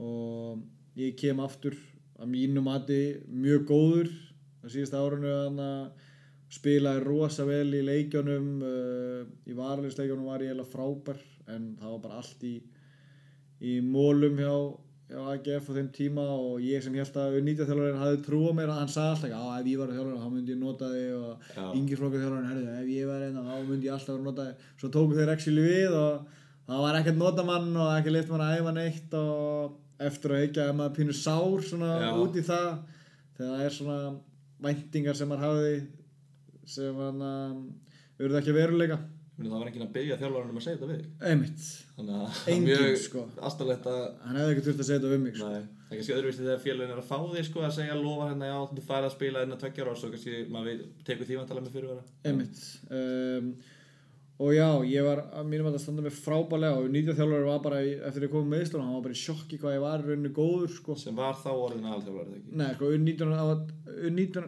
þegar ekki Nei, U19 á- U19 gamlu U19 tekur við á síðasta árinu mínu. Já, þannig að nýju nýju nýttu nýju þjálfur var bara, herru, gamli, þú ert bara en hann á svo nýr að hann hefði ekkert mikið að segja og, og, og, og mér fannst ég vera drullu góður og þá meðist ég mitt pínu aftur. Samstæða uh, og þá hugsaði ég bara, mér langa ekki að vera það lengur og, og ég mér langa að vera kannski þar úti. Uh, en bara það var ekkert vildi taka um mittu manni frá AGF Nei, sem var að falla sem var að falla á þeim tíma. Já, þannig það var ekki mikið heitlandi á öðrum stöðum. Það var, ef ég hefði verið heill þá hefði ég kannski farið á reynsluökstar eða, eitthvað svoleiðis. En þá hugsaði ég bara, heyrðu, nú bara kem ég heim og, og þarf að fara að spila meistarlóksfókbalta, ég er á 19 ára og ég þarf að fara að spila í meistarlóki já. Og já, þá kom ég heim. Hvernig fannst þér að vera að koma heim? Þú ert alltaf með þetta er náttúrulega út af meðslunum en leiðir einhvern veginn eins og hvernig leiðir að vera að koma heim úr atvinnumennskunni svona ungur? Þetta er enga veginn eins og þú hafði teiknað þetta upp væntanlega. Nei, alls ekki. Kenna þetta alls ekki upp svona. Mm, Vombri mm, Mér leiði ekki vel á þessum tíma. Um, Það hefur bara svaklega við hefur búin að vera í fjársamöndi lengi og ég er alveg opinn að tala um það. Um, Það hafi gífur áhrif á mig að að hætta saman á, á þessum tíma uh, ég og kærasta mín, hann að hálfa árin kemur heim. Um, það bara hefur áhrif á maður þegar maður er búin að vera lengi úti og, og, og svo fram og saman í langa tíma og um, þannig mér leiði ekkert svakalega vel undir lokin að koma heim pínu svona brotin þannig séð. Já, væntingarna mun herri hjá liðin svona AGF um, og er líka svona þér finnst þú eiga skil það er líka þarna svolítið erfitt, þú finnst þér eiga tækifæri skil og finnst þú vera nóg góður en öðrum finnst það ekki. Já, það líka fyrir svolítið hausin á manni. En það var eiginlega bara eina sig að gætt gert var að þarna, vera klár, vera hill og byrja að spila með meisturleiki og spila í, í, í pepsitildina að viti og, og sanna fyrir bara mér og fólki að ég væri nóg góður ég kemur á 2014 heim um sumarið. Uh, mér líður hrikalega vel stendur rosa vel að æfingum. En blíkandur ákveða að, að taka mann á láni frá stjörnunni og vera að spila honum. Mikil ómberið kom inn á og stóðum alltaf vel að mínum mati sko. Já. það var hann að jættefla tímubili sem við gerum 12 jættefli eða eitthvað. Og já, þá var ég bara staðröðinu hér. Ég ætla að vinna mér inn byrjunleysæti 2015 sem Og- gerir. sem ég ger, Addi G og Kristóf taka við. Um, ég hefur sagt það við marga og ég segi það ennþá ég var gífulega heppin að Finnur Orri fór frá blikum. Já, Addi tók við og hann ætlaði örgulega að gera hann á hann fyrirlið Finnur hann á þeim tíma, ungu leikmaður og, og var ógislega góður. Og hann vill fara í aðdunum mennsku en ákveður svo að fara í, í FH hanna í svo tvo mánuði eða eitthvað. Eh, sem var rauninni he- happafengur fyrir mig og ég veit ekki um það alveg. Um, því ég veit ekki hvort ég hefði fengið þetta tækifæri sem ég, sem, sem ég fekk. Og ég og mitt gulli hlinu vorum að berjast um þess að djúpa mið stöðu alveg þanga til bara fyrsta leiknast í Íslamóti sko. mhm, ég spilaði síðustu tvo leikina áður en móti byrjaði og stóð mig vel þar um, og já, svo 2015 á ég rosa fínt tímbil sko. nú næstum alla leikina spilar 19 leiki held ég 19 leiki ég, og það, mér minnir að þú er mitt, það hafi mitt náð svona þú hefði náð fjölmiðla fjölmiðlar hafa farið að fjalla um þig, varst ekki í liði umferðanar eða eitthvað svona, nei liði hérna fyrri umferðanar eða liði ársins eða eitthvað varst, bæði, jú, Bæði, já. og já, öllum fjölmjölum besti ungilegmaður og já, þetta var mikið fjölmjöla fár eða svona mikið fjölmjöla artikli í kringum á þeim tíma. Já, fannst þetta svona endur fæðing veginn? Já, eða svona það var pínum svona á, erðu, skilju ég síndi ekki fólki að ég sé já, og þótt að í sum leikjunum fannst mér ég ekkert vera frábæri en þá var samt fjölmjölar að peppa og ég bara, já, já, fínt Já, skilju, já, bara, ég er ekkert að fara að neyta þessu peppi það er já, um, en jú, jú, fínast tímbil og ég segja átt sögu við yngri leikmenn þegar ég beðum að, að halda fyrirlestra er að í byrjun apríl 2015 þá var ég ekki byrjunleginu í áttalega úrslutum í lengjabyggarnum og ég var bara, shit maður ég, ég er ekki byrjunleginu núna og ég þarf bara að rífa mig upp til að standa mig betur. Og í november það er að segja hvað, 6-7 mánuði síðar þá var ég að spila með fyrsta aðlandsleik um, bara með alvöru köllum sko. bara, bara hvað er stutt á milli. Algjörlega. Bara undirbúnsvinnan á öllu og ég auðvitað er svaka stoltur af mér að, því leita því ég var ekki valinn því ég var valinn bara í landsliði með Gilva og Aroni og það voru bara Eyður og E- Emil Hallfreðs eða eitthvað voru kvildir eða eitthvað svona aðeins, aðeins eldri leikmenn. En það voru alveg kallar og það var svakal trós fyrir mig og mína vinnu og það sem ég hef búin að gera á, á sísonu og pínu svona á, herðu, skilur, AGF eru já, pínu sokkur. pínu sokkur, sko. Og liða að vilja fá mig fullt að liðum á Norrlöndunum og svo náttúrulega þetta liða í Þýskalandi sem ég fyrir reynslu til. Já, um, en já, svo náttúrulega bara eins og minn fyrill því miður hefur við pínu verið þá komið upp meðslið þannig um, og þetta er leðilegt sko. Já. en um, já svona hvernig 2015 tímbili var sko. uh, já, þannig að það er rauninni bara meðsli sem komið vekk fyrir að þú farir út eftir 2015 tímaféli já, ég meittist þarna eftir Armínia Bílfeld ferðina uh, vundist líka bíliða þarna og spilaði ekkert fótbolta fram í apríl sko. Það var búið að samþykja tilbúð frá þeim og, og á þeim tíma var ég ekkert svakalega ég var ekkert svakalega peppar að fara í fyrstildina í Þýskalandi. Um, ég veit, ég, mér fannst ég ekki alveg vera svona með hausinn rétt stiltan og mér finnst ekki rétt að fara bara út bara til að fara út. Og það þeir sem af þessu var bara "Erðu, skilur, þú veit bara geggja tækifæri og sleppa við Norðurlandin Já. bara beint angað og, og, og þjálfarinn var svona "Ó, ég vil fá þig inn í hópin, ég vil láta þig æfa í nokkur ár og svo getur þú spilað og ég- mér fannst það ekkert nákvæmlega sama uppbygging og þú varst búin að gangi gegnum yngri. Einmitt hjá AGF og þannig að þið langaði þegar þú kemur heim langaði þig þá að fara út aftur sem aðalismæður já, já, ég ætlaði ekki að fara út nema bara að ég myndi fara í aðlið já, og bara helst vera bara helst byrjunlismæður um, eða allavega einn af þrýra fjórum eða svona þannig ég fengi tækifæri. Og já, ég fer sem sagt uh, í læknisskoðun hann úti og þeir sjá náttúrulega hvað ég er meiddur uh, á þessu stað. Og en ég var svo sem alveg ég var svona, ná, skilur, er þetta rétt ekki fyrir mig? Og þeir voru svona ok, þú ert að vera meiddur fram í februar, mars og við erum að kaupa þig fyrir eitthvað ákveðin pening og, og ég sagði ok, ekki, ég er fara meiddur hérna fyrstu mánuðina, það er ekki skemmtilegt Nei, að nei. kynnast uh, liðið og sanna þér svolítið fyrst. Mhm, og svo eru reglur hann í Þýskalandi að tryggingafélagið vill ekki tryggja þig þú skrifa undir middur mm, og þeir borgi ekki laun þú ert middur þannig ég var að fara að vera fyrstu 2-3 mánuðina með engin laun að borga fyrir mína íbúð og bíl og, ekki stærri miðið Þýskalandi. Já, eða bara eiginlega nógur þetta er lítill bær. Já, já, mér fannst það bara ekki spennandi á þeim tíma og við komumst svona sameinlegu ekki sameinlega ákvörðin hjá félaginu og, og mér að býða bara aðeins með þetta. Mhm, og sjá hvernig ég verði þarna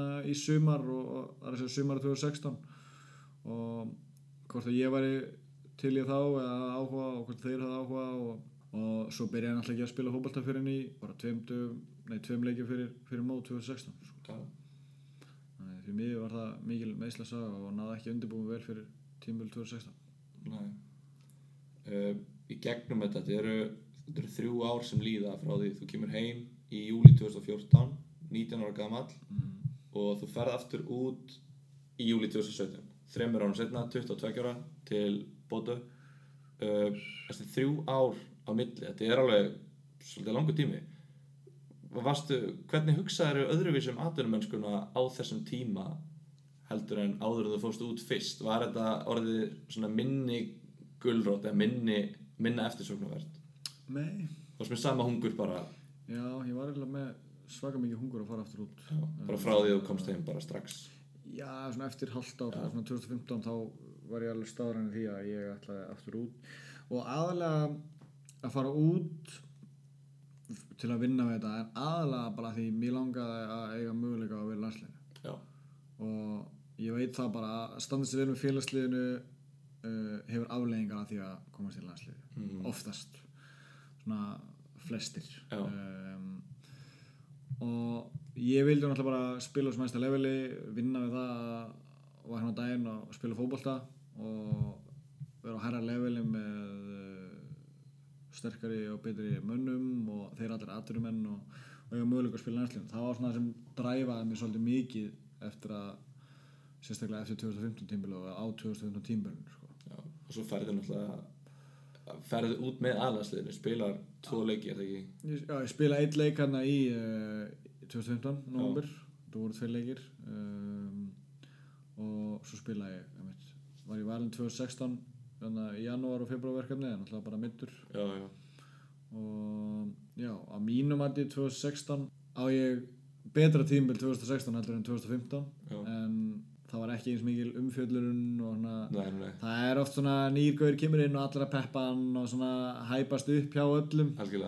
Um, það var ekki sama peppi gegnum mig og að mínu mati ekki sagt þetta, að mínu mati spila ég betur 2016 heldur en 2015 en það er alltaf bara væntingar ákvarða gæði það er bara allstar og það var bara miklu hæra væntingar og ég var svo sem ekkert alltaf mikið að pæla í fjölmjölum hvað þeir voru að segja um mig eða svo framvegis en svona fekk ég spurningar á þú ert ekki múin að standa eins vel á þess tímil og síðust tímil og það langar mann að jú, eiginlega ekki það er bara væntingarnir ykkur er herri og sem djúmi miðmaður þá ertu ekki að fara að skora eða leggja upp eða þú ert bara brjóta niður sóknir og spila honum fram á þér. Mm. og e, það gerði ég að mínum að þetta er hrikalega vel 2016 en við náttúrulega vorum í fimm leikir eftir og vorum sens að vera íslameistarar og það var alltaf bara jættefli og töpum síðustu þreymur eða eitthvað endum í sjötta seti sko. En áttu stutt á milli. Já, 2016 var mjög fínt en þá var ég mitt aftur meðist í pínu öklanum og get ekki spila síðustu leikina með 21 Já, við vorum að spila mútið Skotlandi og Úkrænu til að komast að lokamótið 21 já, já.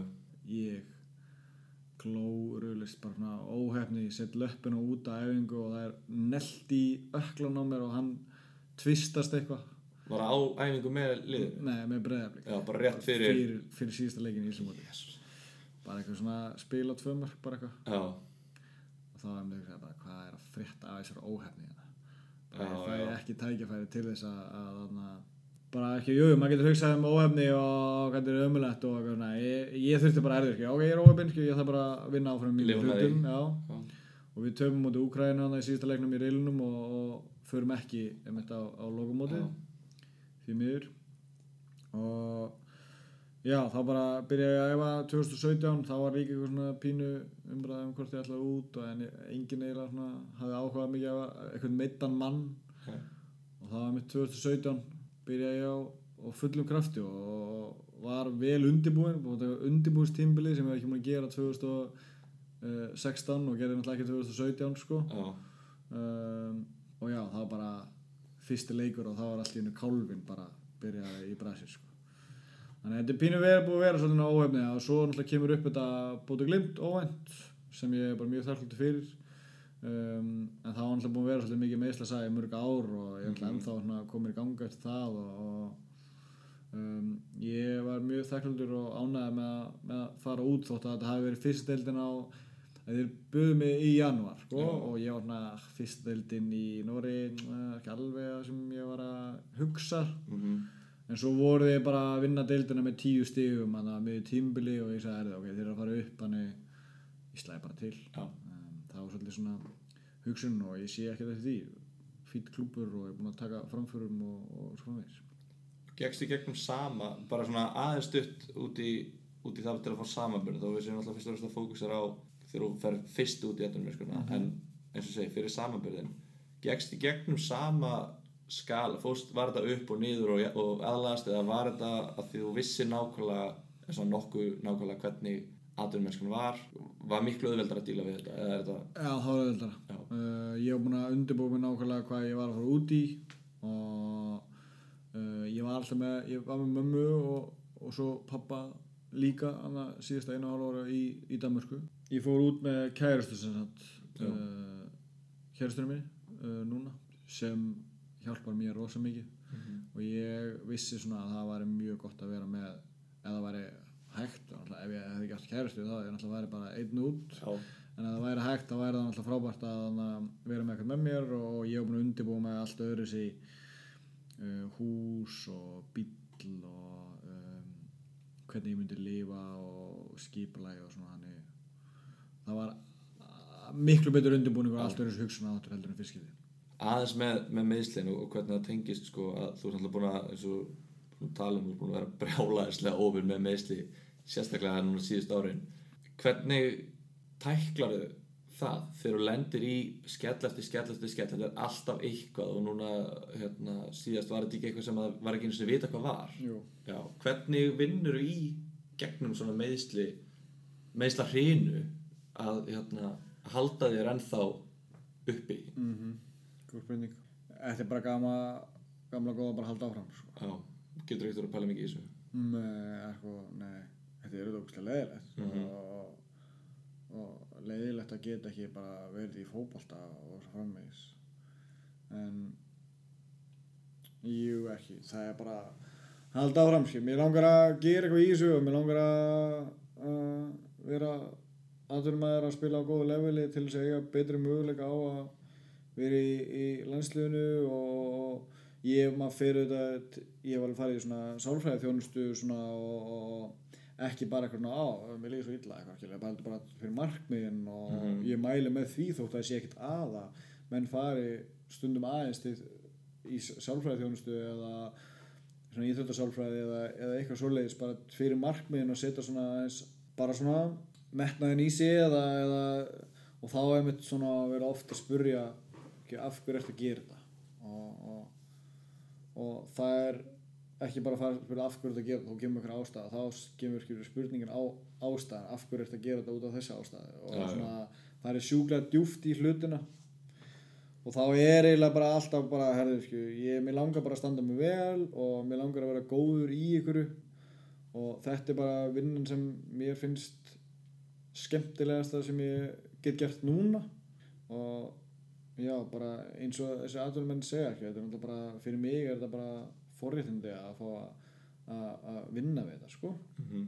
um, en það er náttúrulega mikil vinna að baki og og segir, ég gegnum alla þessa meðísla sögu að þurfa að vera í ræktinu að gera þessar litlu vöðvæðingar og, og þetta tekur á hausinn það er bara að halda áfram og, og minna sig á bara að maður langar að standa sig vel og maður er góður í þessu að mínum mati og, og, og hvað ætla ég að fara að gera annað Já, já.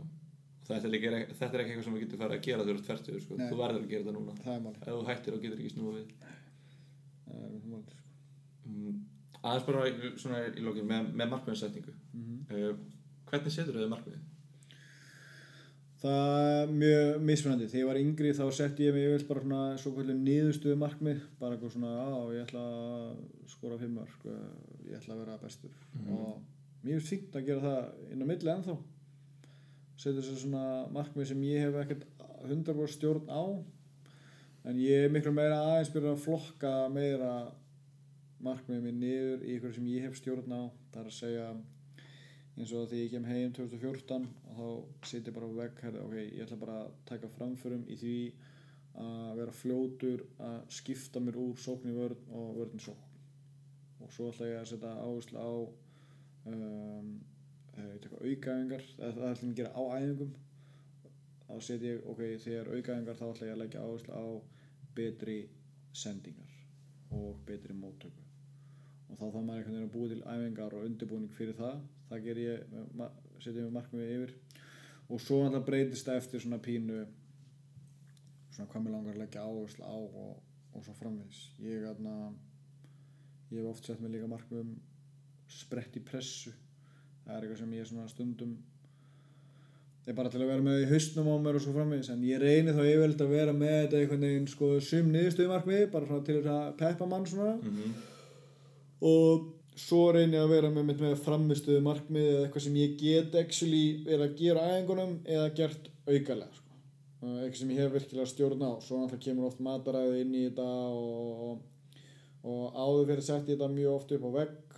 Ég hef aðeins verið að vinna stundum sko, þegar ég var úti sérstaklega með Íslunum þá var mjög mikilvægt að setja mér markmið sko, þá var ég með svona að vinna með mitt uh, íþjóttasálfræðing í því að um, skrifa markmiðin í svona app í símanum og skilju svona done dæmi. Já, og þá er mér bara rútína og gera þessa litlu hluti sem manni finnst ekkert svakalega gaman að gera. Það er ekkert rosa gaman að uh, veri í rektinu og taka eitthvað rassaluftur eitthvað eins og þetta stelpunar það er í vörklass en það er bara hluti að því sem við þurfum að gera til þess að koma tilbaka að því það er bara markmið verða pínur svolítið svona niðurstöðu markmið verða svolítið svona herru ég ætla að gera þessar æfingar að því ég nenni ekki vera vil ekki vera middur mm og það er bara motivation út í eitt sko. en maður þarf að finna sér bara eitthvað motivation og fá hugafarið um, í það motivation.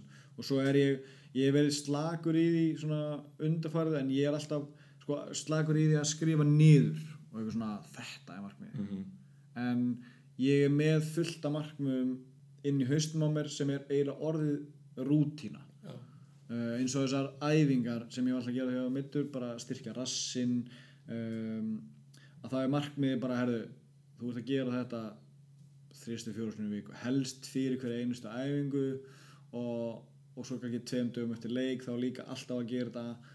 Um, bara að ég sé með ákveðin markmið og helst eitthvað rútinu sem er raunin markmið. Mm um, það er það sem ég hef un, unni með undafarið sko. því að eins og, eins og talar um þetta þetta er ekkert endilega mikið af mælanlegu markmiðum sem þú ert að tala um. Hversu fljótur þú ert að skipta úr vörn í sókn og þetta, veist. Þetta er ekki eitthvað svona, ég ætla að spretta 100 metra á undir 10 sögundum þetta er eitthvað sem þú finnur væntalega bara sjálfur í, í haustum og kannski þjálfariðin Já.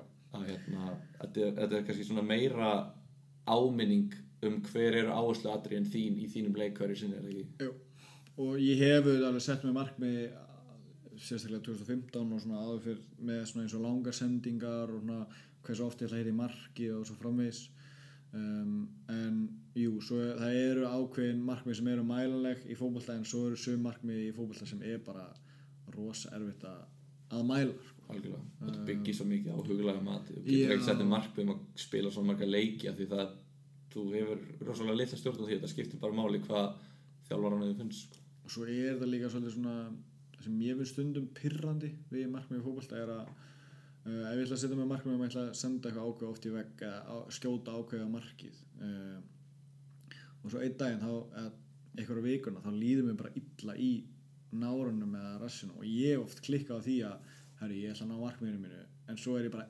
eyðilagur í nárunum uh, alla vikuna eða næstu vikunar sko. þannig að það þarf oft svona að samstilla markmiðin með líðan um, og ekki vera með svona svakalega heilug oft. Og mjög gott að vera með markmið og skrifa það niður hjá sér og ég mæli með því að fólk gera á eins og segir, mælanlega er bara hrikalega mikilvægt uh, að gera. En ég einhvern veginn er búin að gera þetta frá því ég var 14 ára. Að þetta einhvern veginn festist meira ég reyna að búa til markmiðin inn, inn í rútinuna í staðin fyrir að setja bara eitthvað svona já, eitthvað svona á blað eitthvað þetta ég að gera sko. ef að hendi þetta á, á einu skemmtilegu? Já, ég, Þú hérna, nú ætla þú að þú var halva mínútu til að tala við 15 ára Oliver sem er að fara út. Og þú fær, já, þú mátt gefa honum þau ráð sem að Oliver í dag ætlar að gefa honum. Jæja, um,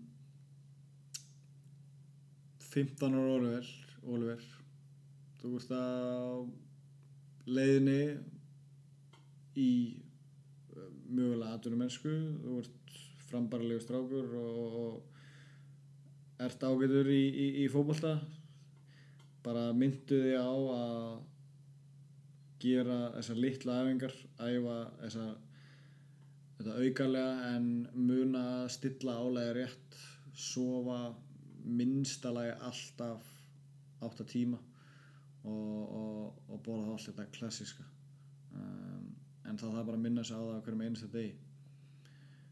15 ára Oliver ég myndi ég myndi halda áfram að reyna að vinna í því hvaða vöðvum þú þarft að styrkja að því annars það haft áhrif á þig setna meir um, til dæmis með meðisli og svo framvegis um, að styrkja rassinn finna út með sjúkurhálfara hvað þarf að gera betur og halda áfram að æfa aukalega og standa þig það er eiginlega það sem ég myndi segja. Þetta var farað moment Heyrðu, bara Oliver Sigurðarsson takk kærlega fyrir komuna og gott spjall. Takk fyrir mig